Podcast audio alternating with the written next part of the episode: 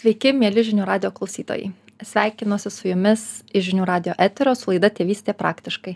Ja vedu aš Renata Cikanaitė, tėvai ryšė autorė ir šiandien mūsų svečias yra Nojus Berlinskas. Sveikas, Sveiki, Nojus. malonu. Tu esi sporto klubo priklausomi nuo sporto įkūrėjas, verslininkas, sporto treneris, samoningumo treneris. Ir tuo pačiu tu esi dar toks labai jaunas žmogus. Kaip uh, tu pats iki to ėjai? Iš tikrųjų, prasidėjo viskas tiesiog nuo, sakykim, kažkokio tai tikslo, kad, tarkim, noriu būti, a, nenorėjau šiandien būti treneris. Tiesiog pirmiausia, norėjau sportuoti, a, pasirūpinti savim, a, pastovėti už save, kai tu esi iš mažo miestelio kilęs, tai yra pakankamai svarbu, kad būtum iš biržų. Kad būtum ir stiprus, ir savim pasitikintis, o jeigu toks nesi, tai tiesiog taip ir gaunasi. Tai pirmiausia, su turėjau tikslą sustiprėti, pasirūpinti savim. Tas tikslas persikeitė į hobį, kad pradėjau, pradėjo patikti sportas ir kai matau, kad sportas patiko, norėjau kažkaip ir kitiem padėti tą sportą surasti, nes man tai davė labai daug naudos. Ir tuomet įsikėliau tikslą būti treneriu. Pradėjau dirbti treneriu, pradėjau siekti kitų tikslų, norėjau tapti uh, geras treneris, ne šiaip treneris, norėjau tapti profesionalas. Ir kai tu sieki aukštesnių tikslų, su sunkumais susiduri, su iššūkiais susiduri, su visokiais, sakykime, ir perdėgymais, ir įvairiom kliūtim. Ir tiesiog tada tu ieškai atsakymų, kad tas kliūtis panaikintum, išspręstum ir jų beieškodamas mokais iš savo klaidų, gauni naujos patirties ir taip tobulėjai. Tai va, taip ir, taip ir atkeliau čia. Tau visą laiką patiko sportas? Tikrai nepatiko sportas visą laiką. Um, pradėjau sportuoti būdamas 13 metų, iki tol aš sporto visai nemėgau. A, na kaip pasakyti, vaikystėje pačioj, kai, sakykime, buvo 9 metai, buvau aktyvus vaikas, kaip ir daug vaikų, ten lakstai, bėgioji, žaidži su kitais klasiokais, bet a, išsiskyrus mūsų klasiai, nes mokytoja išėjo a, atostogų dėl savo vaiko pagimdyto, tai mūsų klasė perskirstė keturias dalis ir gavosi toks įvykis, kad tu netekai tų kaip ir savo draugų, įprastų klasiokų ir tiesiog tada kaip šiek tiek užsidarai, nes kaip ir nebeturi draugų, neturi su kom žaisti, tada pradėjau labai daug prie kompo sėdėti, žaisti, e, nebe laukiai, o prie kompiuterio namuose. Ir tiesiog tada nustojau sportuoti. O nustojus sportuoti ir nusilpo kūnas stipriai ir tada tų judesio dar labiau nemėgau. Tai jo. Ar tu taip ir prisimeni, kad tu nustoji sportuoti, todėl kad tą visą laiką užėmė kompiuteris? Taip ir prisimeni tokius, vat... Realiai tiesiog niekad nežinau, kas yra tas sportas, kad čia reikia kažkaip sportuoti ir kažkaip sim rūpintis. Aktyviai, tarkim. Tiesiog aktyviai bėgioti, gyvenau, lakstyti. su draugais Mhm. buvau, bet kai tų draugų, sakykim, nebeturėjau, tai užsidariau savį ir tiesiog tada ieškojau galbūt draugų e, internetiniam tokiam, kaip sakykim, vir, virtualiam gyvenime. Tai taip, tada gavos, kad visai nebejudėjau. Siekiau tikslų virtualiai. O kaip, a, aš manau, čia labai, nu, palėtė svarbų dalyką, dauguma tėvų a, nerimauja, ypatingai šiandien, kur tos technologijos ir tas virtualus pasaulis yra toks kaip a, visagalis mūsų vaikų gyvenimas, paauglių gyvenimas. Ir, ir dažniausiai atrodo, kad, nu, vat, kai jau ten vaikas išeina, nebeįmanoma su juo, nu, ir rasti būdų kalbėtis ir bendrauti. Ir, tai va, ar tu iš kitos pusės, kai buvęs ten ir labai intensyviai buvęs, kokiu tu galėtum išvalgų apie, galbūt, ar, ar tu iš vis lauki, kad kažkas tavęs ateis ir iš ten parsives, ar tu, jeigu ir būtų tėvai pažiūrėti ar parsivedę, tu būtum neės, vad kokios tavo mintys iš to laikotarpio? Iš tikrųjų labai įdomu, tai a, galėjau sakyti, kad aš gailiuosi, kad ten tiek laiko praleidau prie to kompiuterio, bet iš tikrųjų niekiek nesigailiu, nes aš taip įsimenu kaip vos ne, sakykim, to laikų įdomiausią laikotarpį, nes tikrai būdavo labai įdomu, ten siekiai visokių tikslų, kuris savo gyvenimo vos ne verslų užsiemi tenais tuose žaidimuose, tobulėjai. Tai man tas tikrai patiko, bet man labai padėjo tas, kad tiesiog suradau tą sportą ir galėjau perkeisti tą tokį, sakykim, savo dėmesio centrą į kažką, bet kai man, sakykim, siūlė pradėti sportuoti, arba tiesiog aš jau mačiau, kad yra poreikis sportuoti, kaip ir vis tiek nesuvokiau to ir nenorėjau ir manęs tas nemotivavo, tai aš tiesiog manau, kad ne problema yra, um, ar tu žaidi, ar tu nežaidi kažką darai, bet tiesiog problema, kad yra, jeigu vaikas yra užsidaręs, sakykime, emociškai, psichologiškai, tikėtina jis tiesiog nori paslėpti nuo pasaulio, tiesiog kažkaip save išreikšti, kur niekas jo, kaip sakykime, nekritikuoja, ten nekaltina, kaip sakant, nedžedžina angliškai. Tai internetinė erdvė tiesiog tokia erdvė, kur tu gali būti, kas tu nori ir tiesiog niekas tas nemato, kas tu esi iš tikrųjų, arba kaip tu atrodai. Aš nepasitikėjau savim, kaip aš tuo metu atrodau, aš buvau labai žemas, buvau labai silpnas, tai kažkaip tas labai man, labai, kaip sakykim, rezonavo, kad galėčiau internetu kažką daryti, kur niekas manęs nežino, nepažįsta. Bet labai įkvepia tas pats pasakymas kad tu gali savim pasirūpint. Tu gali tu gali pakeist savo esamą situaciją. Ir tas pasakymas man iš tikrųjų prilipo ir aš galvoju tai jeigu aš galiu pagerint savo dabartinę situaciją vadinas man nebūtina pabėgt nuo jos aš tiesiog galiu realiai keistis ir e, kitaip gyvent. Tai labai kažkaip greit užsikabinau ir atrodo kad atradai tokias savybes viduje kurių net nemanei kad turi. Ta disciplina valia ir tas toks kaip azartas to sporto. Tai manau kad e, reikėtų padrąsint sakykim vaikus kad jie gali nes dažnai iš to nepasitikėjimo savim net nenori ne tik vaikai ir suaugę žmonės net nenori pradėt kažko daryti kažko keisti ir dauguma tiesiog ieško kažkokio pabėgimo. Ar ar filmais ar žaidimais ar kažkuom nuo realaus gyvenimo o ar susiklausytų tu manai vaikams vat ateitų tėvai ir padrąsintų ane taip iš niekur nieko. Manau kad ne manau kad čia jau ne gal jeigu tėvai nerodė tinkamo dėmesio ir pavyzdžio savo vaikams sakykim neskyrė pakankamai meilės neišklausydavo laiku tai kai vaikai suauga jų pasitikėjimas tėvais jau dingsta ir jie net nebelabai yra linkę klausytis nes jie mąsto kad tėvai nori ne padėti o mokyti aiškinti ir kažkaip kritikuoti. Nes jeigu tu kaip tėvas būdamas padarei kažkokią klaidą kad tu užšauki ant vaiko kad neturėjo to padaryt nes pats prastai jauteis. Jeigu tu e, nesielgei su juo kaip su savim lygiu tu panaudoji savo sakykim tą viršesnę poziciją kad aš esu aukštesnis didesnis vyresnis aš esu tėvas aš galiu elgtis kaip noriu. Tas pasitikėjimas tėvais sumažėja. Tada vaikas net nenori girdėti ką tėvai nori pasakyti. Net jeigu jie po to nori pasakyti jau e, teisingai ar atpirkti kažkokią savo kaltę kurią jie padarė kurią jautė kad jie ne taip netinkamai pasielgė tai manau kad e, turėtų būti iniciatyva sakykime ir iš aplinkos galbūt. Pavyzdžiui aš pats einu į mokyklas ir kalbu vaikam ir ir diskutuoju su jais ir bendrauju. Buvau dabar aną savaitę gimnazijoj kai buvo a nuo šešiolikos metų iki devyniolikos metų. Tai visi pradžioj kaip zombiai tokie sėdėjo atrodo kažkur išskridę bet kai pradėjai kalbėt jiem apie ateitį kas laukia jų ateity jeigu taip ir toliau gyvens ne tai kad gąsdini bet tiesiog paaiškini logiškai. Tai jie visi taip klausėsi ir realiai po tų poros valandų ten įkvėpimas atsirado kosmosinis. Lygiai taip pat teko bendrauti ir su septynmečiais vaikais prieš tris dienas. Tai pradžioj šūkauja rėkauja o po valandos nebenori kad išeitum grįžę namo savo tėvam pasakoja aš noriu siekt svajonių noriu siekt tikslų noriu sportuot eik ir tu sportuot eik į klubą sportuot tai įmanoma sukalbėti bet tas kuris kalba turi rodyti pavyzdį ir nori ne tai kad mokyti bet nori iš tikrųjų padėti tiesiog suprasti tą vaiką o ne tai kad pakeist tiesiog jo elgesį nes jam netinka arba nepatinka. Tai vat. O kaip tu sieji tai vat kalbėdamas su vaikais pavyzdžiui ane tas siekti tikslų ir sportuoti kuo tavo nuomone tai susiję kuo ka kas tame yra bendro? Visų pirmiausia mes tokiam pasauly gyvenam kai žmonės siekia tik kažkokių išorinių tikslų nes tie išoriniai tikslai sakykim pasiekimai kitaip tariant jie yra matomi kitų jeigu žmogus neturi pasitikėjimo savim jis labai trokšta tų visų pasiekimų kurie yra matomi išoriškai. Ir būtent tam tiesiog kad pripildyt tarsi savo savivertę ir gauti kažkokį pripažinimą. Bet labai kas yra ignoruojama ar tiesiog neakcentuojama tai yra tas sakykim vidinis tobulėjimas. Koks tu esi iš tikrųjų viduje kokias tu turi vertybes kokį turi suvokimą charakterį galbūt e, apskritai mąstymą apie viską. Tai va tie dalykai yra ignoruojami. Dėl to aš tiesiog manau kad reikėtų e, fokusuotis į tai ir sportas sveikata tai yra būtent dalis to vidinio tobulėjimo. Tai yra rūpinimasis savo fizine sveikata savo emocine sveikata savo psichologija ta prasme tai yra asmeninis tobulėjimas kurį aš ir ugdau žmonėm. Nes aš manau kad kiek tu iš tikrųjų patobulėjai viduj tu tiktais tiek ir gali turėti realiai išorėj kuos kurios tu pirmiausia galbūt ir nori nesuprasdamas kad egzistuoja vidinis pasaulis kur turėtum savim rūpintis. Tai jie tą supranta nes aš klausiu vaikų sakau kaip jūs galvojat kas iš jūsų turėtumėt daugiau dėmesio skirti savo sveikatai galbūt švariau sveikiau maitintis daugiau pajudėti geriau miegoti nepatikėsi visi vaikai per sekundę pakėlė ranką aš negalėjau patikėt čia septyniolikmečiai aš toks žiūriu čia visi supranta ką jiem reik tai daryti jie nėra kvaili jie supranta tai.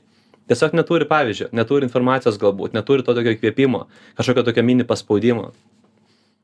Kas tau ištarė tą tą pasakymą apie kurį tu kalbėjai kad tu gali gerinti savo kasdienybę kur tu tuos žodžius išgirdai visų pirmiausia trylikos metų e, pas mus šeimoje kaip ir e, gyveno sakykim kaip ir netikras brolis. Mano mama dirbo vaikų namuose daugumą didžiąją dalį gyvenimo tai pas mus visąlaik būdavo daugiau vaikų.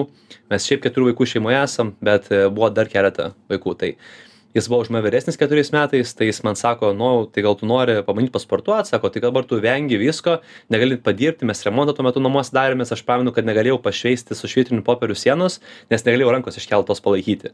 Tiesiog buvau toks nusilpęs visiškai. Nes e, ne tik tais, kad nesportuodavau, bet ir turėjau e, spets programą mokykloje dėl savo genetikos, gimiau su plokščiapadystė, su skoliozė, e, su sveikatos problemomis, tai ypatingai greit nusilpdavau. O jeigu nejudėdavau, tai man ypatingai greit pasijausdavo, kad aš turiu silpną kūną. Ir aš kaip ir vengiau to judėjimo, nes aš tiesiog nenorėdavau, kad man kažkas, kažkas juoktųsi, nes, nu, realiai, kai tu nepadarai nieko, mm. tai ne kažką jau dėl to jautiesi. Tai jis sako, tai gal pasportuojam, gal, gal pradedam. Nu, tai faktas, pradėjau to dalyką, tą dalyką būtent praktikuoti, užsiimti sportu. E, bet po to didėjus pasitikėjimui savim pradėjau ir išgirsti įvairių kitų pasakymų pavyzdžiui iš brolio kuris sako tu čia gali paskaityti visokių knygų kurios ten pasakoja kad tu ką tu įsivaizduoji tą gali pasiekti. Tai realiai brolis jau atvedė prie šitos informacijos kai man dar buvo koki devyniolika metų. Tai labai labai daug skaitydavau klausydavaus būtent audio knygų dirbdamas užsienyje vasarom. Ir e, jo tas toks mąstymas kažkaip ir užsifiksavo pasąmonėj kad tu gali pasiekt viską. Tu gali būt bet kas tu gali tapt bet kuo tu gali tiesiog pasiekt visas svajones, kas tu, kur tiki, kad jos įmanomos pasiekti. Tai tau kažkaip pavyko perkelti tai, ką tu darai virtualioj tikroviai, kad aš galiu būti kuo noriu, siekti tikslų, kažkaip kurti savo gyvenimą, ar tu tik pagalvoji, o kitą aš lygiai tą patį galiu daryti ir šitam gyvenimui. Realiai, jo. tai, tai kaip ir buvo tikslą. patirtis, jo. Tai buvo patirtis, kur mes samoningai ir nesamoningai vis tiek konkuravom su kitais, ten siekėm irgi tų tikslų tobulėjom ir po to tu supranti kad toks pat žaidimas ir ir gyvenimo žaidimas kad tu lygiai taip pat tobulėji tu mokaisi tu mokaisi iš klaidų gauni naujos informacijos tu rūpinies savo energija kad tiesiog jos turėtum iš ko galėtum to siekt tų tikslų ir kad tu gali tiesiog išsikelt tikslus svajones kokius nori pasiekti ir tu gali tai daryti. Tai jo gyvenimas toks pat žaidimas kaip ir visi kiti žaidimai realiai. Aš galvoju apie tą sportą. Um, ar galim pakalbėt apie tai, tai kas yra sportas, kas nėra sportas, mhm. ne? Ar sportas yra tik tai tai, ką aš darau sporto salėje, o, su ne. raumenų tobulinimo programa, ar sportas gali būti, ar aktyvus gyvenimo būdas, tai čia skaitos, kad aš sportuoju ar ne, Vat, kas įeina į tą... Aš gal sakyčiau, kad daugiau reikėtų sakyti ne sportas, o tiesiog fizinis aktyvumas, galim taip sakyti, o fizinis aktyvumas yra įvairus, gali būti įvairiausi tie būtent sportai kaip sporto šakos. Ir uh, aš pats esu tarkim treneris tai iš savo perspektyvos aš treniruoju į įvairius žmones tai yra ir irkluotojai krepšininkai boksininkai futbolininkai žmonės tiesiog kurie šiaip tarkim turi problemų su sąnariais turi problemos a, su stuburais ten keliais belenkuom nes pats tuos dalykus turėjau tai sportas gali būti įvairus bet reikalinga suvo suvokti būtent to esmę kodėl reikalinga judėti. Ne tiesiog kad tu prasijudintum savo kraują praeitum pro kūną širdim rūpintumeis bet mes turim tokius dalykus vadinamus sąnariais ir tie sąnariai jie turi judėti. Ir jeigu mes jų nejudinam yra pasakymas kad tai ko tu nenaudoji tą prarandi. Tai jeigu mes nenaudojam tų sąnarių mes nenaudojam tų sakykim funkcijų jeigu mes ištisai va tokioj pozicijoj sėdim mes pastebim kad mes nebegalim išsitiesti jeigu mano pozicija sakykim stuburas sukrypsta šitaip aš žiūriu aš negaliu pakelt rankos aukščiau negu čia ir tai man jau pradeda teikt diskomfortą nes e, pradeda dėtis sąnariai. Ir ilgaamžiai ilgalaikėj perspektyvoj kai amžius padidėja mes žiūrim kad atsiranda problemos su pačiu sąnariu pradeda skaudėti. Ir mes ieškom kas ten per problema o iš tikrųjų tiesiog nu tu nejudėjai nenaudojai tos rankos. Dabar tiesiog arba naudoji netinkamai arba naudoji per daug. Tai irgi variantai. Tai tas fizinis aktyvumas tiesiog yra rūpinimasis šia mašina kurią mes gavom tiesiog gimę įsivaizduok kad tu gimei ir gavai mašiną tiesiog bet ta mašina stovi ir tu jos nenaudoji dvidešim penkis metus ir žiūri surūdijus vienas ratas jau nulūžęs ten variklis ten šaibom išėjęs ir panašiai. Tai taip yra o kiti žmonės kaip tik naudoja tą kūną per daug intensyviai važiuoja ant trijų šimtų neužsipila kuro vieno rato jau nebėra ten stogas nuplėštas dvidešim penki tūkstančiai avarijų padarytų sako nu dar važiuoju dar neblogai dar gyvent galima. Tai čia daugiau aš žiūriu iš tos sąmoningumo perspektyvos kad tiesiog mes rūpinamės kūnu atliekam jo funkcijas tiesiog kad turėtumėm visas amplitudes kad galėtumėm ranką pakelti ranką atitraukti belenką padaryt su savo kūnu kad jis pasitarnautų mum kaip įrankis. Tai čia yra fizinis aktyvumas kuris yra sąmoningai pasirenkamas kad mes juom rūpintumės bet jeigu mes tiesiog sportuojam visus kitus sportus mes turim suvokti kad ne visi sportai apkrauna visus raumenis visose amplitudėse dėl to jeigu mes bėgiojam mes taip pat turim daryt ir stuburo mankštą. Jeigu mes ten sakykim žaidžiam krepšinį daugiau rankos kojos juda mes taip pat turim atlikti mobilumo pratimus kad dirbtų raumenys pilnose amplitudėse dėl to neužtenka tiesiog sportuot kas patinka bet vis tiek reikia rūpintis tom visom pilnom judesio amplitudėm labai dažnai galvojant vat apie jau sportą sportavimą tokį rimtesnį užsiėmimą išskyrus tai kad aš aktyviai vaikštau ir ir ir viską veikiu um, atsiranda tokia kūne nu lengvai tampėlė aš žinau kad čia skaudės. Ir retas Psichologiniai tampelė turime. nu kol kas dar tai psichologinė nuėjus į sporto salę atsiranda ir fizinė. Nu taip. bet retas kuris e, iš esmės nori iš mūsų nu taip nepatogiai eiti į stresą ane eiti į įtampą. Dažniausiai mes vengiam tokių dalykų. Taip, taip, dažniausiai kaip tik norisi kūnui atsigulti ten kaip nors ir gulėti. Tai kaip perlipt per tai kaip perlipt per tai per žinojimą kad nu truputėlį paskaudės kad iš esmės ilgalaikėj perspektyvoj Iš tiesų tai yra labai labai nuostabus klausimas ir apie tai būtų galima labai išsiplėsti, bet jeigu taip sakykim trumpai pasakant, žmogus iš tiesų turi tik du pasirinkimus, kaip jis gali tobulėti. Arba jis gali savo noru išsikelt savo iššūkį ir jis tą iššūkį išsikeldamas, jis taip ar taip patirs diskomfortą, bet tas diskomfortas bus pasirinktas samoningai, suvokiant, ką už tai gausi ir kodėl tu tai yra naudinga. Ir tu tai darydamas tobulini savo charakterį, tu didini pasitikėjimą savim, gerini savivertę ir tu iš karto eini, sakykim, iš komforto į pliusą. Bet dabar mes turim antrą variantą, kai mes esam priversti gyvenimo keistis, kai gyvenimas jau priverčia. Vakar kalbėjau su viena moterim, pamas- pamačiau parduotuvę einančią, šlubuojančią. Ir aš sakau, nu ne, čia jau viskas, man, tam, man pirmamas podo salės jinai eina, aš jau toks einu link jos, jau aš ten jau plus minus jai šypsaus, jau jinai supranta, kad čia kažkas prieis. Ir jinai pati prie manęs irgi eina, sako, aš jau kaip tik norėjau pakalbinti, aš sakau, aš irgi norėjau pakalbinti. Sako, nu va, nebėra energijos, nebegaliu paėdė, suslaužiau koją, o pirštą, o dar prieš tai ir kelius skaudėjo, negaliu rankos pakelt. Sakau, nu va, matai, yra, sakau, mankštos, gali daryti mankštas namuose, pasirūpinsim jo, bet man reikia man kažkas paspaustų. Sakau, klausyk, kadangi iki šiol savęs nepaspaudai, kadangi iki šiol neįsikėlė tikslų, iki šiol nesirūpinai, gyvenai komfortiškai, dabar atėjo laikotarpis, kai gyvenimas tave jau privertė imtis veiksmų. Ir tu turi pamiršti tai, kad tu iki šiol dar vis norėjai komforto, norėjai kažkaip maloniai jaustis. Tu turi susitaikyti su tuom, kad dabar turi prisimti atsakomybę už tai, kad tu nesiemi veiksmų ir tau nebus lengva. Tu norėsi sustoti, nes jeigu mes, mes negalim būti kažkokiam disbalansė dideliam. A, pavyzdžiui, visiškai nesportuoti arba per stipriai sportuoti. Visiškai nevalgyti arba labai persivalgyti. Visai nemegoti arba persimegoti. Turi būti balansas. Jeigu mes to balanso nesuvokiam, kad tai yra reikalinga atlikti, gyvenimas mus priverčia. Ir kai gyvenimas mus priverčia, mes vis dar turim pasirinkimą, mes galim neklausyti. Bet tada kūnas siunčia lygas, skausmus, problemas ir mes vis dar renkamės, ar mes norim dar klausyti, ar gal- galų gale mums gyvenimas ant tiek nerūpi, kad mes esam pasiruošę net ir mirti, nes tiesiog gyvensiu komforte iki tol, kol mirsiu. Ir tas diskomfortas palieka didelę kančią. Ir problema ganas, kad kai žmogus toj didelio kančioj palieka, iš to keltis jau yra sunku, nes tu tarsi turi antstolius. Tu prisiskolinęs turi antstolių ir tas tavo darbas geriausiu atveju tai išlygins iki nulio. Tai tie, kurie prisidirbė, jiems sunku prisiversti, nes jie tą skausmą patirs ir dar net lengvai neišlips iš to. Bet reikia suvokti, kad jeigu mes dabar nesėjom veiksmų, net laikom to diskomforto, galiausiai tas diskomfortas taps amžina kančia. Dėl to trumpą laiką komforto, kurio mes norim šią akimirką, mes galim patirti labai labai ilgą komfort, diskomfortą. Bet jeigu mes apsisprendžiam, gerai, aš patirsiu trumpai tą diskomfortą ir po to gyvensiu lengvesnį gyvenimą. Tai mes galim lengviau, lengviau gyventi, kai mes tampam stipresni ir priimam sunkius sprendimus. Bet jeigu mes nori ieškom lengvų kažkokių būdų, kaip čia prasisukti, kaip nepasportuoti, kaip nepadirbti, kaip kuo daugiau atėtis, kai ateiti, kaip čia nepasirūpinti tom anom anom, mes norim lengvo gyvenimo, bet mes ką gaunam? Sunku gyvenimą. Tai čia tiesiog charakterio tobulinimas. Mums reikia turėti tikslus, kurių mes siekiam. Jeigu žmogus nenori gyventi, sakykime, ir ilgai ir siekti kažkokių tikslų, tobulėti, judėti į priekį, siekti savo svajonių, jam nereikia tos energijos, jis tiesiog gali gulėti, žiūrėti televizorių ir viskas. Bet jeigu žmogus siekia kažko, jis turi suvokti, kad jis gyvena vieną kartą ir kad jam tos sveikatos reikės iki pat gyvenimo galo. Tai tiesiog yra principas, jeigu tu nesirūpini savo kūnu, tu prarasi savo kūnu. Jeigu tu rūpini savo kūnu, tu turėsi sveikatą. Tai diskomfortas ugdo. aš galvoju tie tėvai kurie dabar mūsų klauso ir galvoja lengva tau nojau kalbėti čia tavo darbas tai aišku kad tu ten sportuoji nuo ryto iki vakaro lengva tau sportuoti bet kai aš jau einu į darbą jau turiu vaikus jau turiu šeimą jau turiu ten vis visą kitą savo gyvenimą sportui nelieka laiko Hmm. ir tai yra tiesa ta prasme kad iš tikrųjų mūsų dienos taip daug visko užimtos kad kartais nelieka laiko ne tik sportui bet elementariai miegui Čia ane, turiu daug ką mes miegam papasakot. mažiau. Turiu labai daug ką papasakot šio klausimu.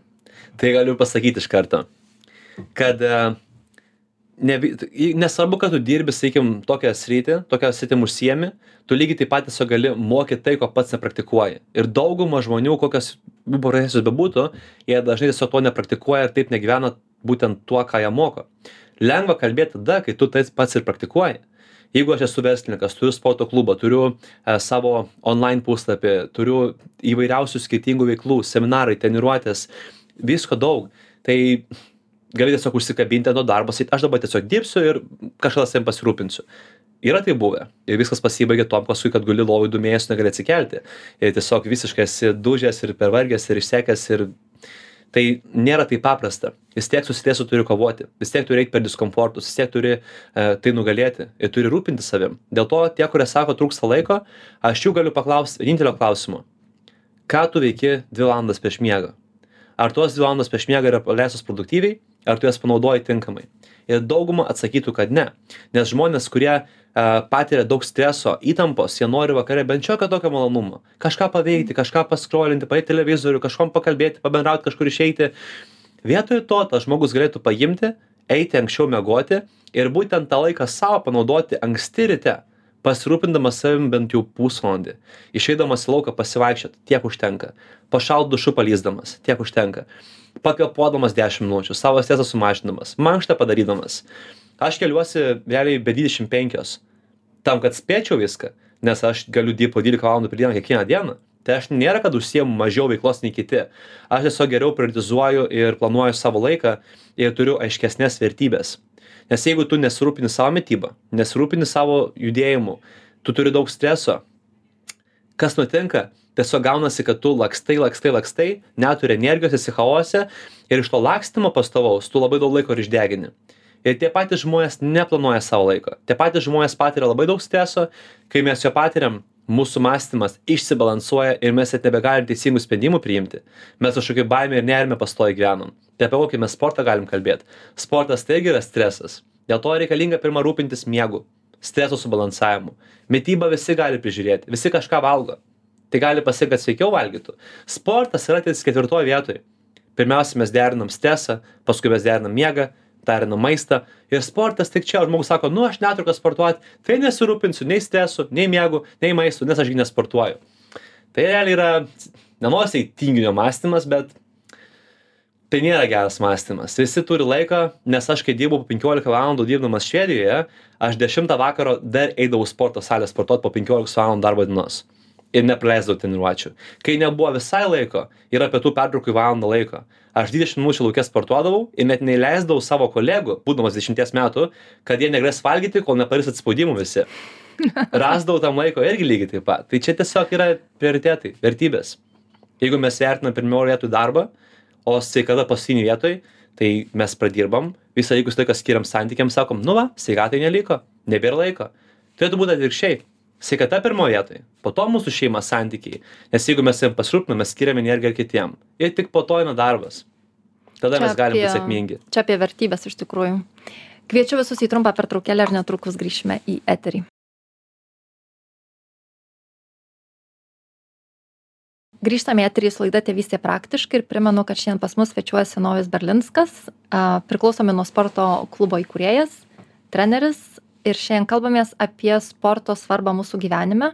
Ir prieš pat pertraukėlę pagalvojau, kad tai, ką tu sakai, kad mes visi darom ir ko vengiam, tai iš esmės man atrodo mes visi ieškome komforto maiste mm, skrolinime gėrime gulėjime nieko neveikime tada kai norisi truputėlį užtušuoti tą vat niūrų suvokimą kad didesnio tikslo gyvenime kaip ir neturiu ane darbas nemylimas pavyzdžiui arba dirbu bet ne tą norėčiau dirbt. Norėčiau galbūt kažką veikti kito bet neišdrįstu. Norėčiau tokių santykių su vyru bet nežinau jau nusivylusi jau nebenoriu bandyti. Norėčiau su vaikais bendrauti bet irgi neišeina sunku nesuprantam vieni kitų.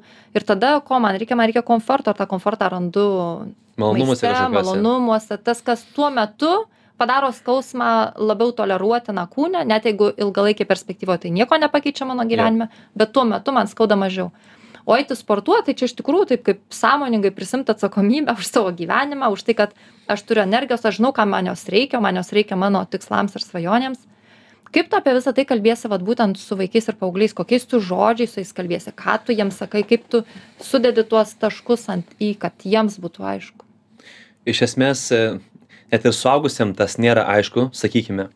Ir e, kai žmogus neturi aukštesnio tikslo gyvenime ir tiesiog kai jisai pastoviai bėga nuo savo problemų jis neprisiima atsakomybės dėl savo gyvenimo tada žinoma jis nori bent trumpalaikį kažkokį malonumą tiesiog kad pasimiršt tuos dalykus tai iš esmės vaikam net nereikėtų kalbėti jeigu tėvai pirmiausia suprastų jeigu tėvai Oi, čia suvoktų labai sunku. Dabar noriu pasakyti, kad tėvams reikėtų rodyti pavyzdį. tai žinoma Ne, čia niekas nenori iš to recepto. Pasakyk kokį nors kitą. kaip jeigu aš esu žmogus kuris nerodau tiesiog pavyzdžio negenu tinkamai ir aš noriu kad mano vaikai kurie paveldėjo mano mąstymą mano smegenis mano genetiką viską kad jie vis dėlto būtų geresni negu aš Mm. tai yra nežinau meškiuko svajonės tai nelabai yra įmanoma esu girdėjęs iš tokio labai e, žymaus žmogaus kuris moko apie santykius sako geriausias būdas kaip e, pakeisti vaikus tai yra trys trys trys būdai.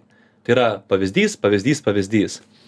Na, visą laiką kai tėvai kreipiasi mano sūnus turi labai suprastėjusią laikyseną jis visiškai nesportuoja. Jo pečiai sukritę jis turi ten plokščiapadystę jam ten skauda pėdą. Kaip man jį priversti sportuoti? Aš parašau o ar tu pats sportuoji? Nu jo čia yra problema toje kad pats savim nepasirūpinu. Sakau kodėl kodėl tu tikies kad jeigu visą gyvenimą tau turint tiek sąmoningumo tiek suvokimo tu netgi nedarai to ką reik daryti. Arba tikies kad vaikas dar tokio galbūt mąstymo neturėdamas nesuprasdamas kas nei tie sąnariai nei stuburas nei ilgaamžiškumas nei sveikata nieko kad jisai paims dabar savim rūpinsis vaikščios tiesiai ten sportuos švariai maitinsis. Jeigu tėvas neišauklėjo e, tėvai būtent neišauklėjo sakykim vaiko a, ir neperteikė tų vertybių būtent sveikatos būdas kaip tai galim padaryti tai visų pirmiausia patiem pakei suprasti kad nėra vėlu keistis ir kad mes galim dalykų tuos dalykus išmokti. Kad mes galim išmokti gyventi kitaip pakeist savo gyvenimo būdą. Ir tuomet vaikai jie viską stebi jie žiūri o mano tėvai pasikeitė eina sportuoti. Tai aš gal irgi noriu pasportuoti? Ką čia tokio įdomaus veikia? Dėl ko jie taip daro nesustoja? Čia žiūri visi vaikai žino kad tėvas turi pilvą aš paklausus tų se- septynių metų vaikučių sako mano tėvas meta svorį. Mano tėvas eina su hanteliais sportuoja. Jie viską mato jie viską žino. Jeigu jie mato kad tėvas jaučiasi laimingas jis užsiima jis stiprėja jo nuotaika gerėja jis gi jaučia kad tėtis kitaip jaučiasi.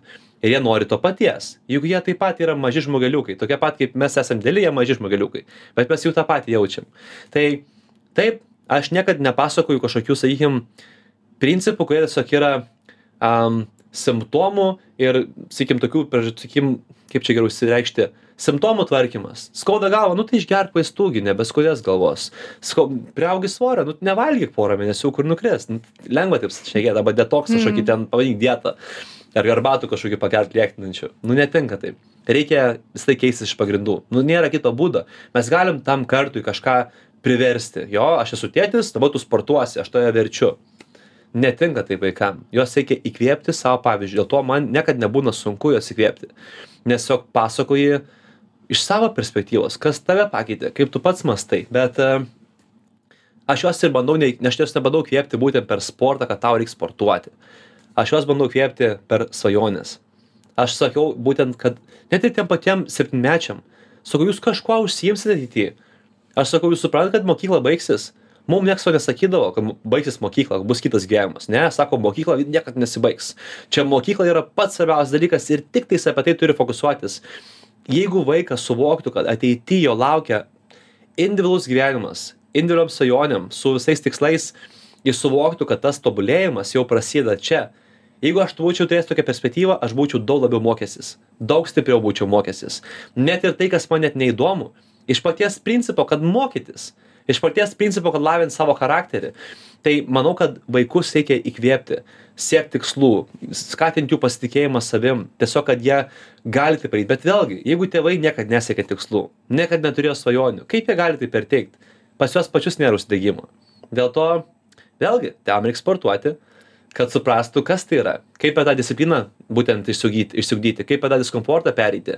Ir kai tu pats pro tai perėjai tu gali rasti tinkamus žodžius ir tam pačiam vaikui kaip tai padaryti tai tokios mintys Aš ir norėjau paklausti paskutinio klausimo būtent apie tai, o kaip tada tie vaikai, kurie nemato pavyzdžio šeimoje, ne, kurie, nu, vat, kurie gyvena šeimoje, kur galbūt tėvai daro vienaip, o sako kitaip, patys, patys pasyviai sėdi fotelyje ir sako, tu eik į lauką pabėgiosi, nu ko tu čia namuose sėdi visą dieną.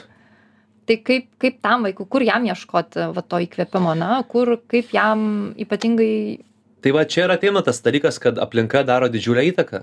Jeigu mes esam tokioj aplinkoj kur matom tik negatyvą matom tiesiog vien problemas vien kažkokias apkalbas pašaipas ar tiesiog tokius dalykus kad pačioj mokykloj labai sunku net gauti tinka atrasti informacijos gauti kažkokio įkvėpimo. Dėl ko ir svarbu būtent sakykime am net sunku pasakyti iš tikrųjų. Vat kai mes augom tokioj vietoj labai labai nėra lengva kažkaip paimti kažko ant kažko užsikabinti. Tai gerai kad man atėjo sportas aš kažkaip pradėjau ant to užsikabinti tiesiog tobulint tai paskui kažkokių knygų paskaičiau ir panašiai. Am dėl to vėlgi tėvam labai svarbu patiem tobulėti gilintis tiesiog bandyti drąsinti vaikus. Bet iš kitos pusės reikalinga svajoti. Reikalinga tiesiog galvoti apie savo ateitį ir aš vat galvoju ką daryt vaikui kurio šeimoj nėra jokio pavyzdžio kuris kurio draugai tiesiog veda iš kelio kurio klasiokai lygiai taip pat nieks nieko nedaro tai labai sudėtinga. Ne veltui devyniasdešim kokie penki procentai su virš neturi svajonių neturi tikslų nes mes tokioj aplinkoj esam ir visi gali tą padaryti visi gali pasiekti visi gali tuo keliu pasukti bet vat reikia kažkokio tokio tokios minties kuria mes galim pasiekti galvas kad vat yra vat ir toks kelias kur tu gali tapt kas tu nori kur tu gali pasiekt ką tu nori kur tu gali gyvent nuostabų gyvenimą užsiimt mėgstama veikla padėt kitiem žmonėm būt finansiškai nepriklausomu. Yra toks kelias. Bet labai sunku patikėt tuom tiesiog kai tu matai aplinkoj devyniasdešim procentų dar daugiau kad to nėra. Tai kaip tu gali tuom padėt kad tu kažkoks kitoks kažkoks išskirtinis o aš išskirtinis aš tą pasieksiu. Labai sunku. Tai čia Man- daug peno mūsų visų mintims aš manau ir tai ką tu sakai yra tai kad kai tu sakai jeigu vaikai nebesvajoja aš galvoju bet atėjęs į šį pasaulį kūdikėlis jisai auga viskuo patenkintas ypatingai savimi. Jis save myli įsimylėjęs gali būt ne nešvarus gali būt šokoladiniais plaukais gali būt įmerkęs kojas į balą jis tik žiūri į veidrodį ir sau šypsosi. Kol vienu momentu iš aplinkos gauna tą žinutę kad nežinau tu esi kažkoks ne toks neadekvatus tavo svajonės ne tokios tu turėtum būti toks o ne kitoks normų kažkokių jo. Ir va tada ta svajonė kažkaip tai dingsta ir taip tie vaikai tikriausiai tie vaikai kurie neturi savo aplinkoj nei vieno man atrodo užtektų vieno žmogaus ir jeigu tai nėra mama ir tėtis tai gali būt ta pati mokytoja kažkas Žinoma. kas tave matytų ir matytų tavo potencialą ir matytų Būtent. tai kad tavo kelias nėra iš anksto apspręstas tu bet kuriuo momentu gali nuspręsti kad visą laiką jau čia sustoju man čia nebetinka dabar aš eisiu čia nes aš visą laiką čia norėjau eit mane įtikino čia neit bet iš tikrųjų aš čia Jo. visą laiką norėjau eiti labai labai geras pastebėjimas aš tiesiog manau kad tėvai e, neturėtų kažkaip tramdyti savo vaikų jeigu jie yra hiperaktyvūs jeigu yra truputėlį kitokie negu kaimynų vaikai. Nereikia stengtis sutapatinti visiškai visų. Mokykloj visąlaik elgdavaus kitaip. Natūraliai galbūt tiesiog norėjau dėmesio nes esam iš didelės šeimos ir apskritai em, nori pritraukti visą dėmesį. Galbūt tebūnie. Bet a, jeigu tu esi kitoks jeigu tu tiesiog jauti kad nu tu nenori elgtis kaip esi tau reikia leist būt koks tu esi. Ne tai kad dabar elgtis visiškai tenais nesąmones daryti aš va tiesiog manau kad jeigu mes te vaikus būtent mokom tinkamų vertybių ir nebandom aplaužyt jų sparnų pavyzdžiui turi svajonę aš noriu būt tas tas tas sako eik tu nejuokauk čia žinai ko tu čia nori? Gerai tegul svajoja vien dėl to paties fakto kad svajoti kad lavintis tą savo fantaziją tai yra geras dalykas. Smegenys turi du pusrutulius. Kairys atsakingas už logiką desni dešinys už būtent svajones vizualizacijas ir mes padarom kad vaikas tiktais viena puse naudotųsi pamiršk svajones tiesiog prisitaikyk. Tai žinoma mokytojai sunku mokytojam labai sunku. Įsivaizduok jeigu dvidešim vaikų kiekvieną dieną cypia rėkauja šūkauja nes tiesiog yra chaosas visiškas jiem patiem reik turėt tiek daug entuziazmo ir to tikėjimo ta savo misija tai turi būt misija žmogaus. Jis ant tiek turi tuom tikėti kad dar skatinti juos kalbėti individualiai bendrauti tai nėra paprasta padaryti bet realiai taip būtent e, tie autoritetai mokytojai tėvai e, galbūt e, giminės dėdės tetos labai svarbu būtent tą vaiką tiesiog tramdyti kad jis būtų vietoj duot telefoną žiūrėti kas mano akim nėra labai tinkamas elgesys o tiesiog k- nukreipt kažkokia kryptim ragint skatinti. Tai aš bent jau asmeniškai norėčiau taip elgtis o ne tiesiog tildyti visą laiką man duotų ramiai man toliau gyvent savo gyvenimą. Ačiū tau nojau kad atėjai. Ačiū už pokalbį. Ačiū kad pakvietėt ačiū visiems klausytojams. Sakau iki kitos savaitės o laidos įrašą galėsit peržiūrėti žinių radijas taškas lt svetainėje. Iki